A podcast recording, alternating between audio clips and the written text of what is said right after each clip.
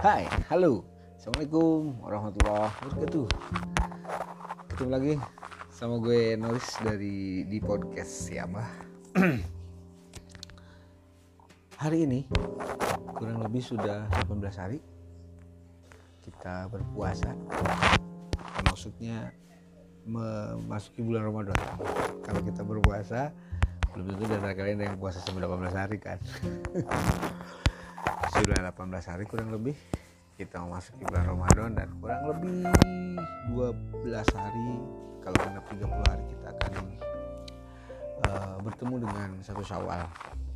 Nah ngomong-ngomong soal Ramadan ya ternyata Ramadan kali ini tetap diwarnai dengan apa tuh namanya isu-isu uh, pandemi masih hangat mulai dari narasi pemerintah yang uh, buka bersama diperbolehkan tapi jangan ngobrol. Kemudian boleh mudik tapi selama mudik tidak boleh ngobrol dengan teman seperjalanan. Dan ketika halal lebih halal boleh makan-makan tapi tidak boleh ngobrol. Eh nggak boleh makan apa ya itu? Aduh. Ini narasi pemerintahnya ada ada ada ada apa namanya ada baik dan ada kocaknya gitu kan. Tapi kebanyakan kocaknya sih karena entah kenapa gitu ya dari dulu tuh logika berpikirnya kok seperti ini gitu. Melarang hal yang sifatnya asasi banget gitu kan. Itu kan sebuah kebutuhan yang paling mendasar gitu. Kok negara tuh sampai masuk memikirkan hal-hal yang paling mendasar untuk mencegah eh, apa namanya untuk menuntaskan pandemi ini. Tapi kebutuhan-kebutuhan yang paling mendasar pada rakyat justru diabaikan gitu. Ngerti nggak maksud gue ya sekarang narasi narasi pemerintah uh, boleh buka bersama tidak boleh ngobrol. Siapa sih orangnya? Kita makhluk bersosial makhluk sosial gitu di tengah society kita, tengah lingkungan kita itu kita tetap harus ngobrol gitu, bersapa, bertegur sapa, minimalnya ya uh, tanya kabar gitu. Ini nggak boleh. Kemudian ketika mudik tidak boleh ngobrol dengan teman seperjalanan. Justru di situ proses silaturahmi itu ya di situ. Terus di rumah katanya ketika lebaran boleh ngumpul tapi nggak boleh makan. Maunya apa? Bolehnya apa? Bolehnya e, berenang atau bolehnya tiktokan atau bolehnya main kripto. Apa maunya gitu? Itu hal-hal yang paling mendasar yang paling asasi pada kita gitu. Mereka mencoba untuk masuk kepada hal yang paling asasi tapi minyak goreng bapak-bapak minyak goreng loh. Memang kita tidak minum minyak goreng secara langsung literally langsung diminum. Tidak bapak. Tidak tidak ada makhluk video ini yang makan minyak goreng secara langsung. Ya kita butuh makanan itu dimasak. Dimasak salah satunya minyak goreng. Coba bapak. Kalau bapak hidup di pernah ngalamin hidup sebagai mahasiswa middle low yang di mana sebuah eh, apa namanya ke sebuah kenikmatan berbuka puasa dengan nasi goreng dan apa pun itu minumannya asal jangan eh, oh. coba semua yang digoreng itu luar biasa pak. Enak. Enak dan itu adalah kebutuhan hak asasi kita kebutuhan dasar kita untuk makan. Ya memang ada yang bisa direbus ada. Tapi yang namanya gorengan tuh ya gorengan pak. Bukan rebusan gorengan is gorengan. Tahu goreng itu tahu yang digoreng bukan tahu yang direbus. Itu namanya tahu rebus pak. Saya inginnya tahu goreng datang tahu rebus. Saya ingin tempe goreng datangnya tempe rebus. Saya ingin pisang goreng tapi yang datang tahu pisang rebus macam mana kayak gitu selera orang berbeda Nah, selera orang berbeda, tetapi tetap walaupun perbedaan itu ada dan niscaya ini adalah kebutuhan dasar. Kenapa Bapak sok tidak mau tahu? Bahkan Pak Menteri bulan Maret yang lalu bilang bahwa saya menyerah terhadap mafia minyak goreng. Menteri macam apa yang seperti itu? Hmm? Kalau di Jepang ah kejauhan ngomong Jepang ya.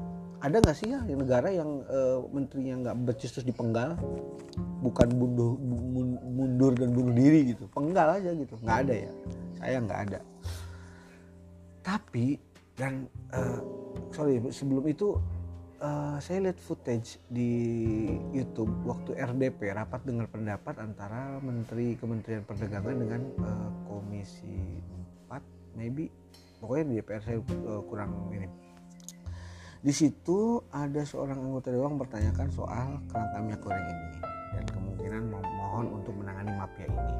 Nah, sebelum Pak Menteri M Lutfi ini menjawab, di belakang ada yang ngebisikin yaitu belakangan diketahui adalah Dirjen Kebijakan Luar Negeri apa ya gitu.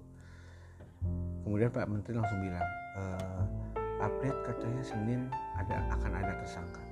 Itu Maret. Lama ditunggu kagak ada. Sampai bulan April.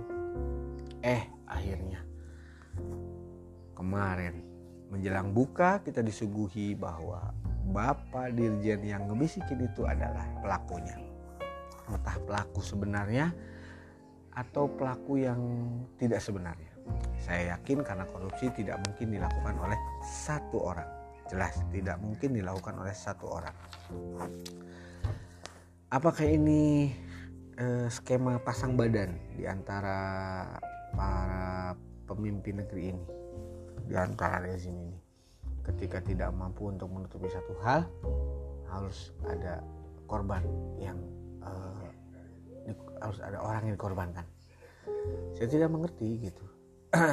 Sekelas KPK aja tidak bisa uh, apa ya tidak bisa berkutik gitu ya. Tidak bisa berkutik gitu. Ya sekarang akhirnya eh, Kejaksaan Agung yang mengumumkan bahwa yang eh, Pak Dirjen itu adalah eh, tersangka konon katanya dia itu meloloskan kebijakan mempunyai kebijakan uh, atas meloloskan CPO crude crude palm oil atau uh, minyak sawit itu uh, bahan baku minyak mentah itu ke untuk diekspor gitu. Tapi yang namanya kebijakan ekspor kan ada di Pak Menteri ya. Uh, jadi setiap hal yang namanya kebijakan itu eksekusinya endingnya itu harus ada Pak Menteri yang tahu gitu. Jadi Pak Menteri nggak mungkin nggak tahu nih. Nggak mungkin kalau Dirjen melakukan hal itu gitu. Nggak mungkin ketika kebijakan keluar putus di Dirjen Pak Menteri nggak tahu itu. Itu uh, hierarki organisasi seperti apa yang seperti itu gitu kan. Jadi Pak Menteri ini pasti tahu. Saya yakin ini pasti tahu. Masalahnya ya you know lah. Masalahnya taunya itu apa ya jadi ketika ada orang tahu dia itu sikapnya uh, masa bodoh ada. Masa bodoh ada masa bodoh. Karena mungkin masa bodoh sikap masa bodoh ini karena ada tekanan tekanan dari luar gitu. Jadi yaudah apa jari baik? Selalu lah gitu kan. Selalu lah gitu kan. Nanti tanggung jawab tanggung tanggung akibatnya gitu kalau ini terjadi sesuatu hal ya harus ada yang tanggung jawab gitu kan. dan ini nggak mungkin kalau Pak Menteri nggak tahu dan nggak mungkin juga ketika Pak Lutfi ini orang Pak Lutfi orang cerdas loh. Orang berpendidikan nggak mungkin nggak mau tahu nggak mungkin terserah. Tapi nggak mungkin juga kalau Pak, Menteri nggak tahu gitu. Aneh gitu jadi kalau misalkan emang nggak tahu ketika awal-awal diinvestigasi itu akan ketahuan dulu. Secara administrasi ada yang dilangkahin gitu. Dari awal udah ketahuan sebetulnya. Ini kok alurnya seperti ini. Misalkan alurnya kok ada ada ekspor dalam jumlah besar. Ini atas kebijakan apa? Oh kebijakan kebijakan dari kementerian. Oh kementerian yang mana ini? Oh nggak seperti ini kebijakan kementerian tuh oh ternyata ada kebijakan baru gitu. Oke telusuri kebijakan nah mal administrasi akan ketahuan dari situ. Dan harusnya harus bisa diumumkan lebih cepat kalau memang itu uh, apa namanya uh, Pak Dirjen yang melakukannya gitu kan. Tapi seperti di podcast saya sebelumnya saya sih meyakini ya. Jadi eh, para penyokong-penyokong dana oligarki di rezim ini itu mempunyai jatah setiap tahunnya menurut saya ini ya jadi tahun ini adalah tahunnya pengembalian modal untuk para cukong-cukong yang punya bisnis kelapa sawit, CPO dan minyak goreng. Tahun kemarin, dua tahun kemarin bisnis soal PCR. Mungkin PCR, eh, masker, hand sanitizer, mungkin ada orang kuat di belakangnya, tapi kemudian belakangan Pak Luhut yang ngaku bahwa dia punya bisnis PCR Sepertinya kalau semua hal itu dikembalikan ke Pak Luhut dan Pak Luhut mengakui kayaknya can, uh, case close gitu. Ya nggak sih? Dia udah ngaku loh bisnis PCR gitu. Berarti dia tuh berbis, berbisnis dengan rakyat dalam hal ini dia adalah seorang pejabat gitu. Seorang pejabat mengambil keuntungan yang luar biasa dari rakyatnya sendiri. Moralnya di mana? Itu nggak ada moral seperti. Seperti ya moral bangsat yang kayak gitu tuh dan anehnya nggak mau tahu nggak mau nggak mau tahu malu. Masih awalnya nggak ngaku nggak ngaku nggak ngaku. Terus ngaku sekalipun ngaku harusnya dari awal tuh hati nurani itu kita nggak lihat lalu itu orang Batak orang Sunda ataupun orang Papua orang Timur orang Jawa dan sebagainya. Yang namanya hati nurani itu sama pak ini rakyat saya saya adalah pejabat di sini yang diamanahi kurang lebih 11 atau 12 kepala kesatuan atau lembaga atau satgas gitu. Masa saya mengambil keuntungan dari sini? Nah, makanya dari dari itu semua saya curiga. Sebenarnya ada ada cukong yang yang punya bisnis ini. Tapi kemudian ya udahlah bos lu aja yang aku bos. Kalau lu yang aku kelar nih urusan gak akan ada yang ngorak ngotak ngatik gitu kan. Menurut gue gitu. Tapi ini bukan bukan bukan tuduhan lah ya. Bukan ini hanya opini opini opini saja opini. Anabel analisa gembel gitu kan. Ya kalau memang itu apa namanya uh, benar adanya atau misalkan memang itu mengusik hati nurani para aparat penegak hukum ya kenapa tidak diusut pengakuan Pak Luhut ini gitu kan. Jadi please teman-teman uh, yang namanya hidup di negara demokrasi ini kita tidak bisa tinggal diam saja tahu beres dan hmm, masa bodoh. Karena sedikit kebijakan sedikit apa pun atau sekecil apa pun kebijakan yang dibuat oleh pemerintah itu akan mempengaruhi uh, hajat hidup kita secara pribadi dan masyarakat sekecil apa pun ya sekecil apa pun. Jadi please tetap uh, koreksi tetap mawas diri gitu biar teman-teman juga makin terasah nuraninya gitu ya.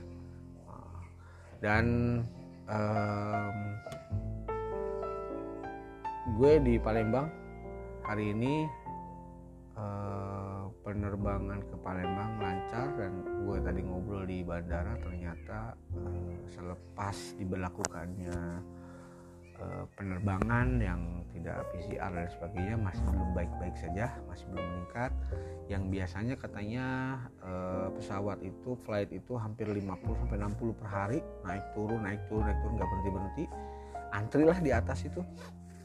Sekarang hanya 18 penerbangan setiap hari dari pagi sampai jam 8 malam. Dan itu uh, sold out semua sih. Sebetulnya kebutuhan sih mungkin lebih banyak, cuman maskapai penerbangan belum berani untuk membuka rute yang lebih banyak ke Palembang ini.